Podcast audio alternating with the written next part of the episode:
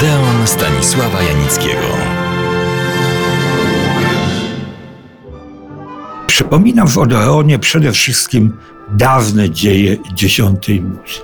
Wydobywam z mrocznego już zapomnienia dzieła i ich twórców, reżyserów, producentów, operatorów, ale przede wszystkim tych, których oglądaliśmy kiedyś z zachwytem.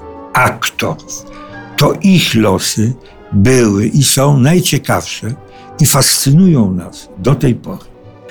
Dzisiaj chciałbym Państwu opowiedzieć o polskim przedwojennym aktorze, którego życie było niecodzienne i który pozostaje w mroku zapomnienia. Witold Conti. Właściwe nazwisko Witold Konrad Kozikowski. Urodził się w Berlinie 2 lutego 1908 roku. Jego ojciec pełnił funkcję kierownika Państwowego Urzędu Pośrednictwa Pracy. W 1920 roku cała rodzina przeniosła się do Warszawy. I od tej chwili dalsze życie Witolda przedstawiane jest przez kronikarzy w bardzo niejednoznaczny sposób.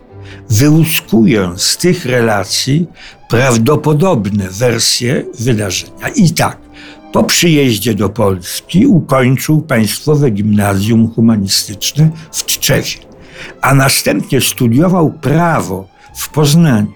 Już wtedy uczył się także śpiewu, najpierw w Polsce, ale wkrótce w Paryżu. W paryskim konserwatorium uczył się śpiewu, ale i gry na skrzypcach. Zadebiutował epizodyczną rulką w filmie francuskim Miss Lucifer. Zagrał jeszcze tylko kilka epizodycznych ról. Co ciekawe, poznał i zaprzyjaźnił się z Polą Negri.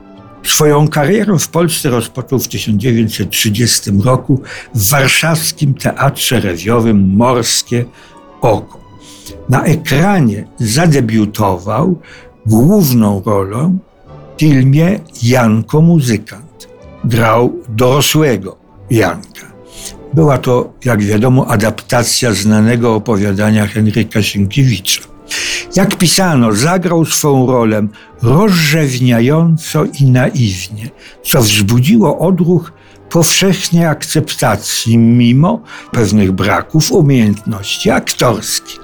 Krytycy twierdzili, że jest utalentowanym śpiewakiem i doskonałym skrzypkiem, co w połączeniu z wytworną sylwetką i piękną, prawdziwie męską twarzą stwarza zeń wymarzony typ aktora dźwiękowego. Mimo tak pozytywnych ocen musiał czekać półtora roku na następne role. Były nimi dwie. Pierwsza w egzotycznym Głosie Pustyni Eugeniusza Bodo. Po latach tak o tym przedsięwzięciu, którego akcja rozgrywała się w Afryce, pisano. Akcja dramatu rozgrywa się współcześnie na Saharze, gdzie Polak sierżant Milczek, jako agent francuskiej służby wywiadowczej, tego gra Adam Brodzisz, pomagał w rozgromieniu groźnej bandy Arabów, kierowanej przez krwawego szejka Eugeniusz Bono. Witold Conti grał tu drugoplanową rolę Polaka wplątanego w tę krwawą rozrywkę. W drugim filmie, rok 1914, grał Conti już główną rolę. W przedwojennym programie do tego filmu pisano. Jerzy Mirski tego gra właśnie Witold Conti.